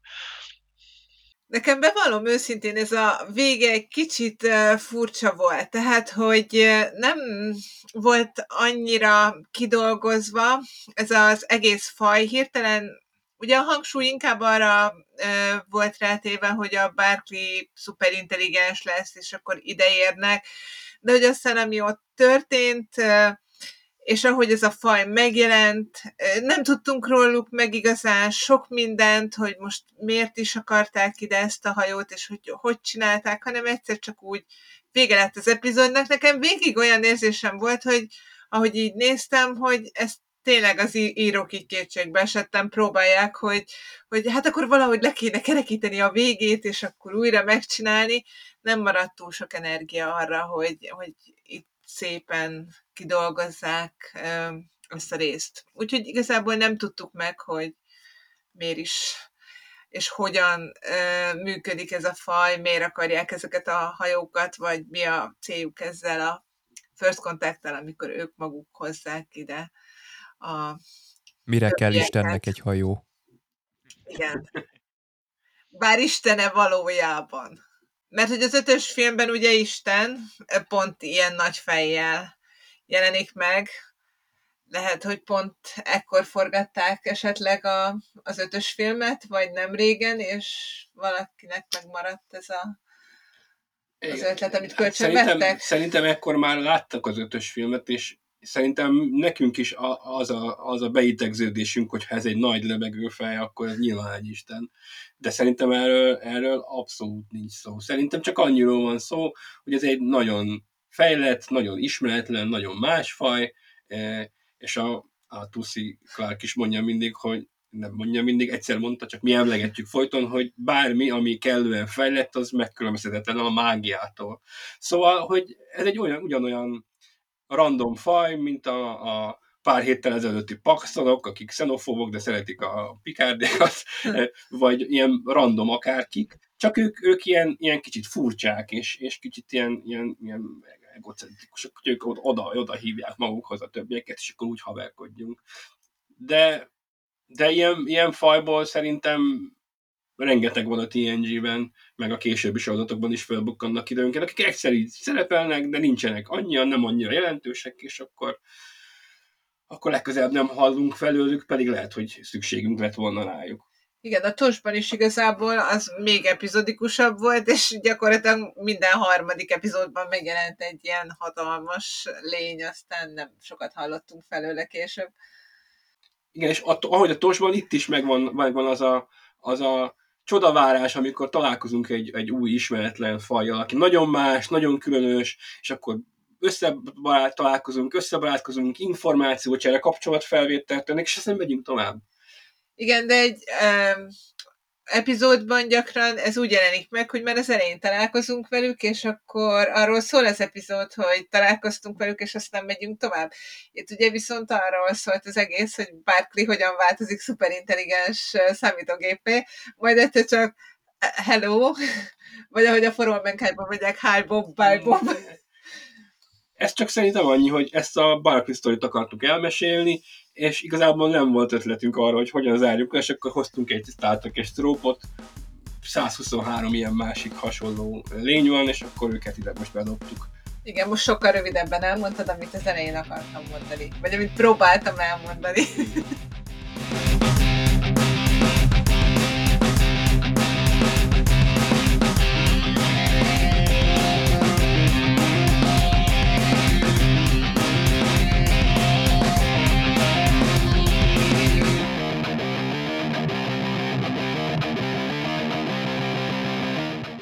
Picard kapitány az Argus teleszkópnál talált szondát a 402-es tudományos állomásra szeretné a Kolán rendszerbe vontatással szállítani. Uh, isolate the probe and place it in tow, mondja angolban Picard, ami ugye megint egy nagyon jó régi kifejezés a tengerészetből, a hajózásból, vontatmány, uszály, ugye ez a tow, egy vontatott csónak vagy hajó is lehet, tehát sokszor a kikötőkben a nagyobb hajókat így vontatják be, kisebb vontató hajókkal. De az az igazán érdekes, ahogy ezt a magyar változat visszaadja, hiszen csak vontatásról beszél az eredetiben Picard, míg a magyarban vonósugárra, tegye vonósugárra ez hangzik, vegye vonósugárra ez hangzik el, ami tök jó, mert tehát a, a fordító szátrekesen gondolkozott, és tudta, hogy hát ha egy csillaghajó egy, egy egy űrbeli objektumot vontat, az vonósugárral történik. Tehát egy kicsit tudományosabban vagy pontosabban fogalmazott, mint az eredeti szöveg. Tehát javított rajta, hát úgy, úgy jó bő évtizeddel az epizód után. Az egyik még nem hangzik el, hogy a Collán rendszerben van ez a 402-es állomány, de hogy 402-es tudományos állomás, az persze benne van a, a magyarban is. Tetszik, amikor Picard kikéri a tisztjei véleményét, persze néha ez csak formaság. Itt azt hangzik el, hogy Picard Rikerhez fordul és megkérdezi, hogy options number one, a magyarban viszont azt mondja, hogy van ötlete Riker. Mert ezt kérdezi. Hm, ez érdekes, mert természetesen az, hogy Rikernek szólítja, az, az nem szokatlan, vagy nem üt el nagyon a, a eddig használt megszólításoktól, de azért furcsász, hogy kicserélik, hiszen az egyes azt egyébként is nyugodtan használhatná a magyarban is. Szintén figyelni szoktam Pikárnak a parancsait, amikor valamilyen sebességet vagy térváltást parancsol. Itt egyszerűen azt mondja magyarban, Anaya zászlósnak, aki a kormánynál ül elől, akkor térváltás, go to warp 2, viszont az angolban, tehát az, hogy kettes fokozatra, azt már nem jelenik meg a magyarban. Szintén ide kapcsolódik, amikor Worf azt jelenti, hogy we are dropping to impulse, a magyarban kiestünk a normál, vagy kiesünk a normál térbe. Mm, tehát ez az impulzus sebesség vagy fokozat nem jelenik meg. Egyébként ez, ez már egy technikai kérdés is fölvet, hogyha valaki ugye a görbületi mezőből, vagy abban haladva, tehát megszűnik az a mező, valamilyen üzemzavar miatt, akkor a normál térbe kiesve, akkor azonnal impulzus meghajtása kapcsol, végül is ez is így lehetséges vagy elfogadható. Ha így értelmezzük, hogy normál tér, akkor az jelenteti az automatikusan az impulzus meghajtást. Néha nem a fordítás rossz, hanem esetleg a, a hangsúly. Például egy hangsúlyos vagy hangsúlytalan szó, neveztesen például egy névelő, hiszen az egy szó, amennyiben hangsúlytalan, az egy határozatlan névelőt jelent. Ha hangsúlyozzuk, akkor jelenti azt, hogy egy vagy egyetlen, Márpedig itt erről lett volna szó, amikor Laforge azt mondja, hogy ennek a Argus teleszkópnak ugye a, az, a, egy, minden egyes szubtér antennájának saját fúziós reaktora van, de a reaktorokat egyetlen számítógép irányítja, ugye a single computer controls them all, mondja angolul, tehát a single még ki is kifejezi, hogy egyetlen számítógép irányítja ugye ezeket a, egyébként még mondja is, hogy clustereket, antenna clusters, itt csak annyit mond a magyarul, hogy minden egyes szubtéri antennájának saját fúziós reaktora van, de a reaktorokat egy számítógép irányítja. Tehát csak ennyit mond, hogy egy számítógép irányítja, és nem azt hangsúlyozza, hogy egy vagy egyetlen számítógép irányítja. Egyébként Riker a, a magyarban itt ö, kijelenti, azért álltak le a reaktorok, mert a számítógép meghibásodott, miközben ezt az eredeti ö, angolban kérdezi, hogy ezért állt le mind a 18 reaktor egyszerre? Tehát egy kicsit, kicsit eltér a, a, magyar változatnak az értelmezése. Ez a cluster szó elég gyakran előfordul, ez jelenthet tehát egyszerűen egy, egy, egy csomót, csoportosulás, jelenthet egy szigetcsoportot, halmazt, csillaghalmazt például, fürtöket, tehát ez a cluster, ez ugye az informatikában, számítástechnikában is használt ö, ö, megoldás. Például ebben az epizódban ugye egy planetary clusterrel találkozunk, ami a magyar meg szintén Anaya mondja, hogy egy bolygó halmazhoz értünk. Ekkor ugye már, már a, hát a, az idegen lényeknek, a szikarisiak, vagy szájtéri, szitériaiaknak a, a területére érkeztünk, vagy hoztak minket. Hát akárhogy is, ez a, ez a planetary cluster, tehát a magyarban bolygóhalmaz nagyon jó fordítás. A felirat egyébként azt mondja magyarul, hogy planetáris köt felé tartunk. De akárhogy is mindkét változat jó. Ez persze később hangzik el, miközben Laforge-nak ez a bizonyos hát becslése, ismerjük például Scottinak a becsléseit. Laforge itt sokkal nyíltabb, itt azt mondja őszintén, hogy két-három hétig tart a, a, a teleszkópnak a rendszerének a megjavítása, tehát legalább két-három hétig. aztán persze itt beugrik már a feljavított Barkley, és akkor itt azonnal ajánlkozik, hogy hát ő két nap alatt is megoldaná. Viszont Data itt ellenvéleményem van, azt mondja, hogy ez a megoldás sokkal több időt emésztene fel, mint az eredeti ötlet, legalább két hétbe telne. Tehát többször visszahallgattam, és nekem nagyon úgy hangzik, hogy hogy német Gábor két hétbe telik, azt mondja, már pedig az eredeti szövegben az van, hogy at least seven weeks. Egyébként pont azért érdekes ez, hogy a Jordi megoldás két-három hét, a Data által becsült, vagy Barkley megoldásnak a Data által újra becsült ö, ö, ideje, az meg hét, tehát hetes számú hétbe telik. Magyarban valami miatt két hét lett, ezt nem is értem. Tehát még ha félreérteném, akkor megérteném, hogy a hét helyett két hetet hallok. Márpedig Data azért elég pontosan szokott ö, fogalmazni. Szintén van egy kis gond a kiejtéssel, vagy az megértéssel, hát a holografikus ö, ö, Einstein esetében, ugye Albert Einsteinnek a hologramját Jim Norton egyébként ír származású színész alakítja. Hát miért fontos az, hogy ír származású? Mert azért itt a, a végén, itt hát amikor itt ezek az egyesített elméletekről beszélnek teljesen lazán Barkley-val, akkor hát, hát csak úgy megemlítik, hogy a végtelnek megsemmisítik egymást. Laforge persze közben már ott hallgatózik és csak néz. Na de hát Einstein aztán itt nagyot néz, és így, így kicsúszik a száján az, hogy Kruszkot, tehát próbál ugye németes lenni, hát Jim Norton színész, de hát ő nem német. Tehát mindig hát így mosolyogok, amikor nem tudom, ilyen háborús filmekben, meg egyéb filmekben próbálnak németül beszélni, vagy esetleg magyarul az ö, emberek.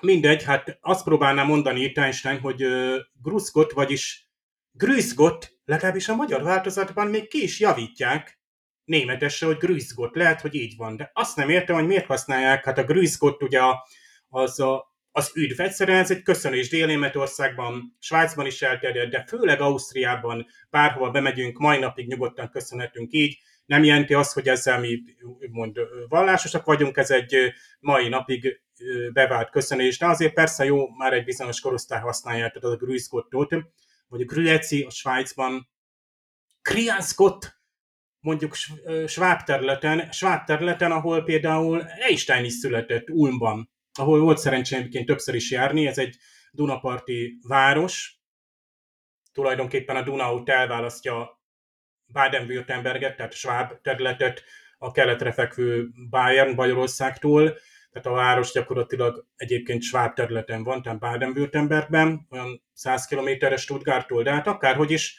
mégiscsak Einstein német, vagy délnémet származású, tehát az a Grüßgott még illene hozzá, de inkább azt mondanám, hogy Großherrgott, tehát te jó Isten, nagy Isten, Atya Úristen. Tehát ez a Grüßgott semmiképpen nem illik ide csodálkozásra, vagy ilyen megrökönyödésre, ott inkább a, a Großherrgott lett volna, de hát ez úgymond az eredeti változatnak a hibája. Tehát a Jim Nortonnak mondtak, hogy valami németeset mondjál ott, vagy valamit ott próbált, és senki ö, nem javította ki. Barclayt viszont följavították ezek az idegen lények, vagy a szonda, és hát Crusher bizony teljesen rutinosan, nyugodtan kijelenti, hogy hat nagy jelenleg maga rendelkezik a legfejlettebb emberi aggyal. És itt, itt, itt hanyart is esünk, akik ugye néztük ezt akkor. Viszont Crusher még ennél is megdöbbentőt mond, mert ő azt mondja az eredetében, hogy you could very well be the most advanced human being who has ever lived. Tehát, hogy ön valószínűleg ön, vagy ön lehet a legfejlettebb emberi lény, vagy ember szabású lény, aki valaha is élt. Tehát nem csak az, hogy jelenleg önnek van a legfejlettebb emberi agya, tehát itt Barclay még magasabb podesztára emeli Crusher az eredeti változatban. És hát Barclay ennek megfelelően bizony hát beugrik a komputer helyére, és sorban sorolja a horrorfedélzeten, hogy milyen eszközökre van szüksége, Például azt mondja, hogy an iconic display console positioned for the right hand. Jobb kész felől egy képvetítő konzolt kér Barkley. Hát teljesen megint visszaugrunk itt a nem tudom 80-as években, hogy képvetítő konzol az valami nagyon modern dolog lehet, pedig voltak éppen nem más, mint ugye iconic, tehát ugye ikonos, tehát ilyen ikonokkal, jobb, majdnem ilyen Windows-t kér gyakorlatilag Barkley, de kivet, tehát egy képkivetítő konzol, itt egy olyan konzolt, aminek tehát van egy kijelzője. Tehát ez a display, ez a kijelző vagy képernyő.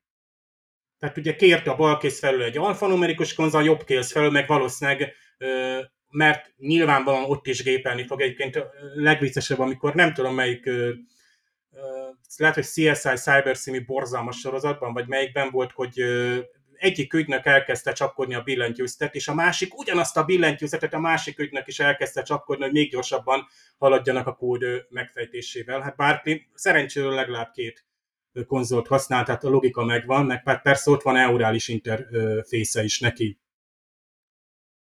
És most megint egy kis gyors talpaló itt a, a végére, hát elhangzik ez az ODN rövidítés, ami a magyarban többször is az epizódban úgy hangzik el, hogy optikai áramkör, mellékáramkör, Déta is mondja, hogy optikai áramkörrel, mellékáramkörrel sikerül megszüntetni a befolyását, ugye ODN bypass, Riker azt mondja, hogy ODM process, optikai áramkör képítéséig mennyi idő van még, akkor Data később jelenti, hogy ODM bypass to the bridge has been blocked, a hídra vezető optikai áramkör lezárták, hát ugye blokkolják, nyilván Barclay. És nagyon jó ez az optikai áramkör fordítás, nem is tudom, hogy sikerült ilyen jól. Gyakorlatilag teljesen visszaadja ezt az ODN-t, ami nem más, mint tényleg a, nem hangzik el így az epizódban, de hát valahogy utána kellett nézni a fordítónak is az Optical Data Network, ami tehát nem más, mint a gyakorlatilag a szabványos optikai adathálózat, ez egy ilyen fiber, tehát optikás, száloptikás, mint ahogy mostanában internet érkezik ugye a lakásokba, házakba is, ez fut végig a hajón a különböző munkállomáson, tehát az űrhajók, űrállomások fedélzetén optikai kábelek kötik össze a számítógépeket, vagy a főkomputert, a különböző terminálokat, konzolokat és a többi tehát ilyen hatalmas kábelkötegeket lehet elképzelni. Na most ugye a Voyager egyik nagy újdonsága volt, hogy ott már voltak ezek a bizonyos bioneurális gélcsomók, és hogy azok mennyivel gyorsabban tudnak adatokat ö, továbbítani. Egyébként a optikának a közel fénysebessége se rossz, ha úgy vesszük, meg az, az adat átár, átemelési, vagy tehát úgymond sávszélesség, amit tud biztosítani, de hát nyilván a Voyager az egy, ez egy fejlettebb hajó volt. Ezeket látjuk is ezeket a tulajdonképpen a becsatlakozásokat Barclayban, főleg amikor hát Picard hát lerendeli Worfot egy osztaggal és a két fős osztagol, természetesen Worf először azért oda kül, előre küldi az egyik emberét, de aztán már nincs mit tenni, tűz, tüzet parancsol, egyébként maximális ö, fokozaton. Na mindegy, ez eredetiben úgy hangzik el, hogy Worf azt parancsolja, hogy ö, conduits, tehát ezt adja ki parancs, amíg magyarul azt mondja, hogy célra tarts tűz. Tehát az angolban megmondja Worf, hogy ö, gyakorlatilag erre ugye ez a, a ez a conduit pont az ilyen kábeleknek a tehát csatornázása, vagy, vagy úgymond szigetelése, vagy a, az a burok vagy cső, tehát gyakorlatilag arra kell tüzelni, amit egyébként ott valódi lézerekkel állítottak elő az epizódban. Tehát erre kell tüzelni a, a, az embereknek nyilván, ugye ez már régen nem ö, tudott sikerülni. És megint egy détaféle pontatlanság, de persze csak a magyarban, amikor azt mondja, hogy egy kvantum szintű oszcilláló készletetésről kés, késleltetést észlelünk, ez a jelenség, és Magyarban azt mondja Déta, hogy a jelenség 12 másodpercenként a kétszeresére gyorsul, míg ugye az angolban elhangzik ez, hogy 12.3 másodperc, 12,3 másodperc, ami megint détásabb és pontosabb. És hogy kik is okozták ezt a nagy bonyodalmat, hát megint egy teljesen új faj jelenik meg. Ezek pedig a szitériaiak, eredetiben Cyterians nem rossz a fordítás, tehát nem is lehetett volna sokkal jobban visszaadni, tehát ilyenkor egy picit magyarosítják a, a, a fajnak a nevét, és így jön, tehát ez a kardasziai, vagy, vagy szikaris, szikarasziai, vagy szikarisszi, tehát néha próbálják egyszerűsíteni, de itt most tulajdonképpen jól sikerült a faj neve, és ezt még következzen is mondták, mondták ki.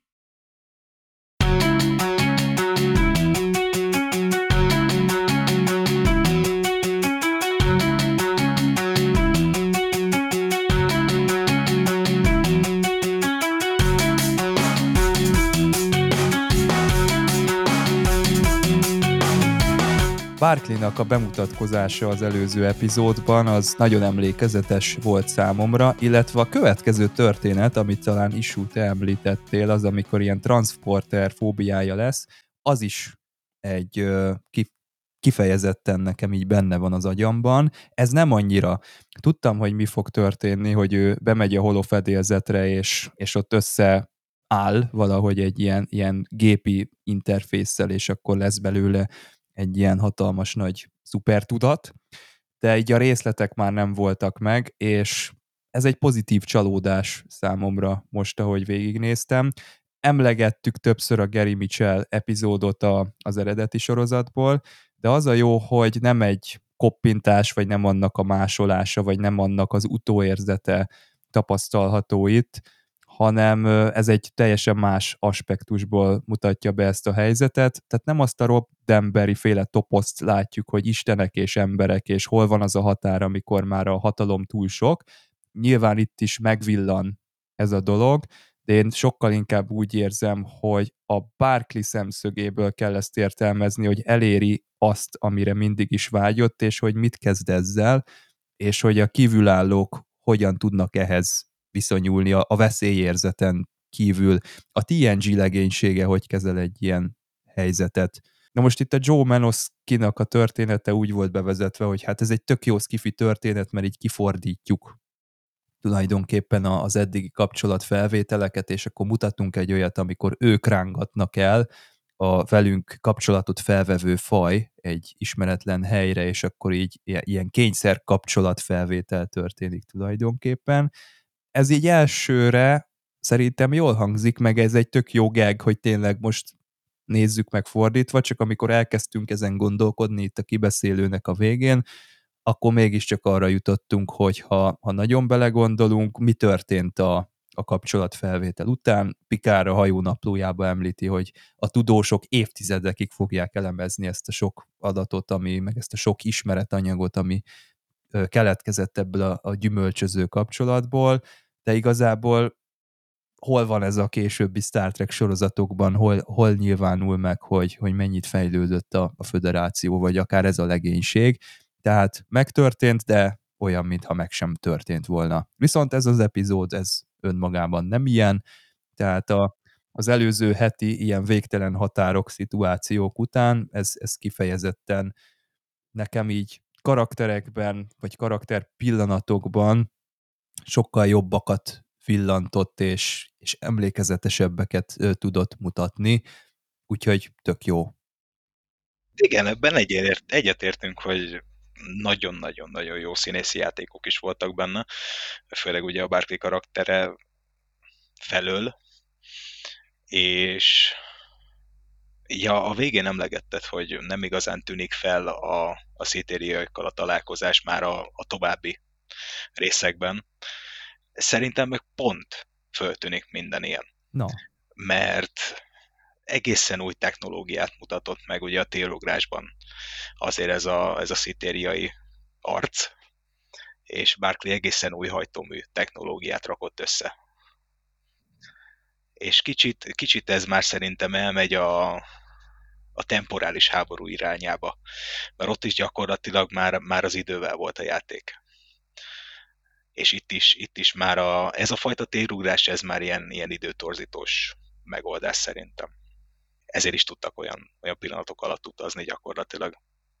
Utána, utána nem használják, csak a, csak a temporális háborúnak a sztoriában lehet ez szerintem így nagyjából föl Hát igen, de ott, ott akkor mondhatták volna, hogy hát igen, az a szitériai technológia az, az sokat segített.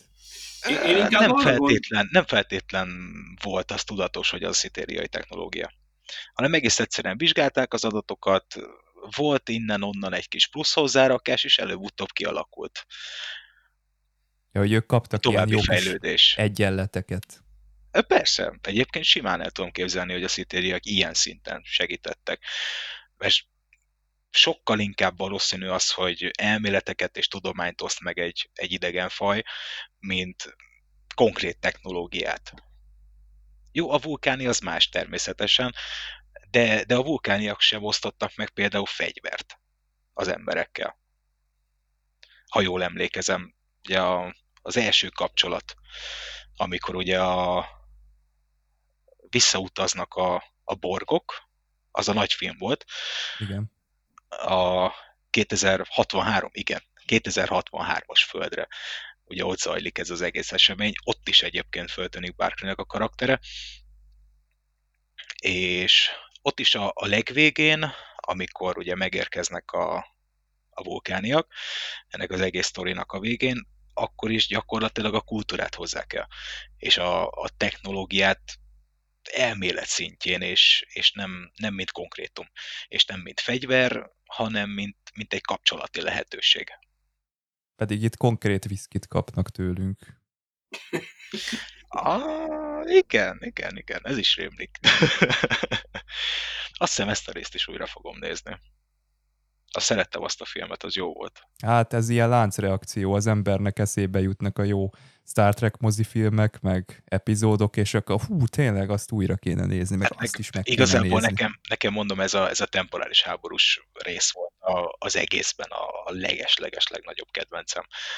Hogy tényleg oda-vissza megcsavarták az egész történetet. Össze-vissza ugráltak, és, és a nagyon távoli jövőből is jöttek, a múltból is volt mindenféle varia. Nagyon jó volt. Az már nem is tudom, hogy melyik sorozat volt, de Enterprise. Lehet, hogy már az Enterprise-os, igen, Enterprise. igen, igen, igen.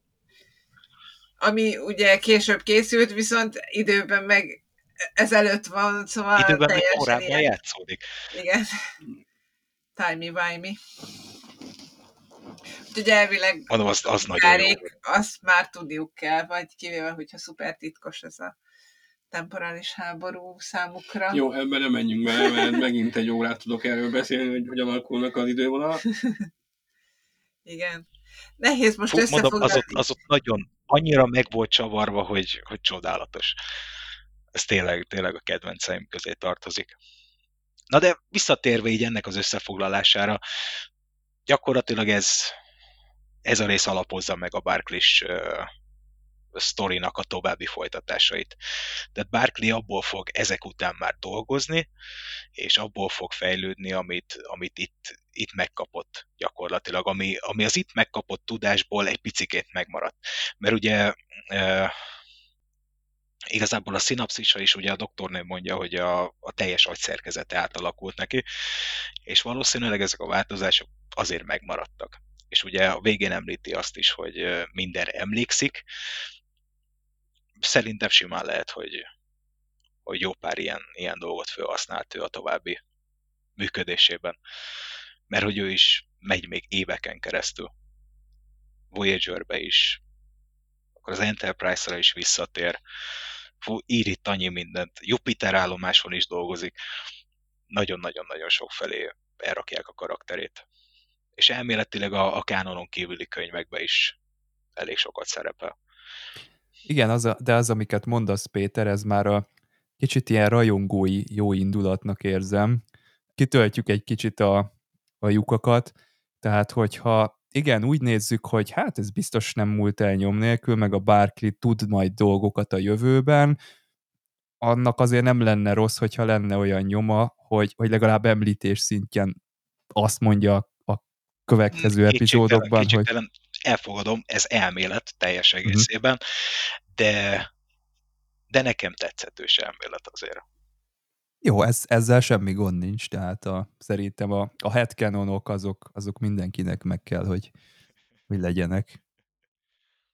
Igen, én, ez érdekes, amit mondasz ezzel kapcsolatban. Én inkább úgy érzem egyébként, hogy, hogy igen, láttunk most itt egy fejezetet a Barkley életéből, és hogy a poén kedvéért belerakták azt a sakkozós részt, hogy egy kicsit ott elgondolkozzunk, hogy vajon változott, nem változott, valami ott van, de valójában én nem érzek, nem érzem úgy, hogy később építettek volna erre az epizódra, mert ugye tovább vitték az ő karakterét, az ő fejlődését, nem utaltak vissza arra, vagy én úgy érzem, hogy nem utaltak vissza arra, hogy na itt ez volt. Viszont ez a rész nehéz összefoglalni, mert Csaba egyébként fantasztikusan elmondta az összes gondolatomat, amit ezzel a résszel kapcsolatban gondoltam, vagy éreztem. Tehát ez a rész nagyon jól bemutatta Berkeley-nek a korábbi fejlődését is, már ami eddig történt a tavalyi Álomvilág című epizódhoz képest, illetve lehetőséget adott a színésznek, hogy megmutassa a karakternek egy ilyen nagyobb ívű fejlődését, amíg, amíg a kis zavarodott, szorongó, kényelmetlen helyzetekbe kerülő hadnagy talán egyébként csillagflotta tisztből hirtelen Igen. egy ilyen magabiztos, nagyon okos, nagyon intelligens, tényleg az az ember válik, akivel ő szeretne lenni, és aztán utána ez még tovább megy, és akkor hozzáköti magát a számítógéphez, ugye, és hogy mindebben brillírozhatott Dwight Schultz, hogy tényleg sokféle arculatát megmutathatta a Barkley-nak, és mindenképpen azt gondolom, hogy, hogy ez a történetszál volt nagyon erős, és a, a tényleg csúcspontja ennek a résznek. Tehát, hogy ezért tényleg érdemes megnézni, és nagyon érdekes volt, hogy ahogy ő változik, hogy változik esetleg a többi karakterrel való kapcsolata.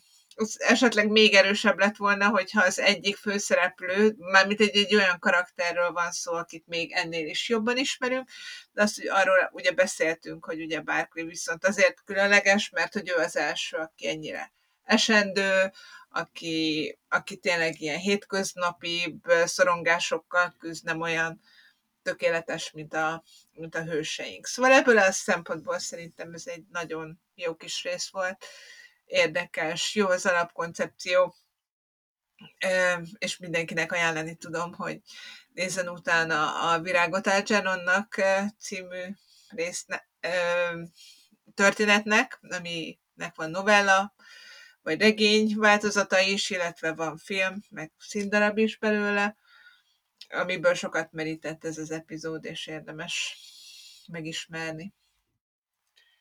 Én nagyon régen láttam ezt az epizódot utoljára. A, arra emlékeztem, hogy Barkley, meg hogy ráköszönhet a számítógépre, de a pontos story beatekre nem emlékeztem pontosan. Ez nem azok közé a, az epizódok közé tartozik a 700 valahány ami, amiket úgy fejben tartok.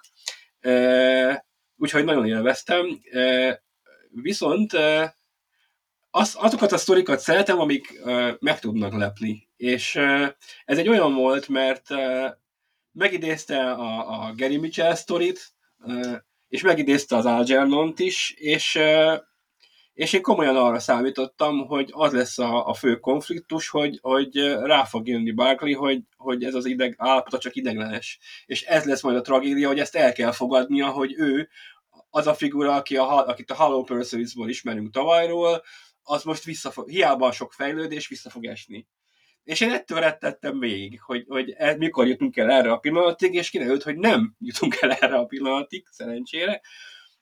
E, és de ugyanakkor meg viszont azt éreztem, hogy az utolsó két percben behozták ezt a szitériai szállt, ami csak egy lecsapása volt ennek a dolognak, hogy, igazából ezt a Barkley fejlődést akartuk bemutatni, meg ezt, meg ezt a, a minimálisan ezt az új fajt, akit még nem láttunk eddig, és erről szólt a rész, nem másról. És ez engem, engem ezzel megvezettek őszintén szólva, de, de nem baj, mert ezeket a dolgokat szeretem. A, a másik, a, hogy visszatérjünk a sakkjátszmára a végén, nekem én headcanonban addig tudok elmenni, Péter, hogy én el, hajlandó vagyok elhinni azt, hogy az itt megtapasztaltak hatására, majd amikor a Voyager probléma előjön, és elő kell állnia valami megoldással, hogy hogy hozza vissza a Voyager-t, akkor gondolni fog arra, hogy nekem volt egy ilyen, ilyen élményem, amikor 30 ezer fényévet utaztunk az Enterprise-on, hogy ezt megpróbálja rekreálni valahogyan. Aztán, hogy sikerül neki, vagy nem sikerül neki,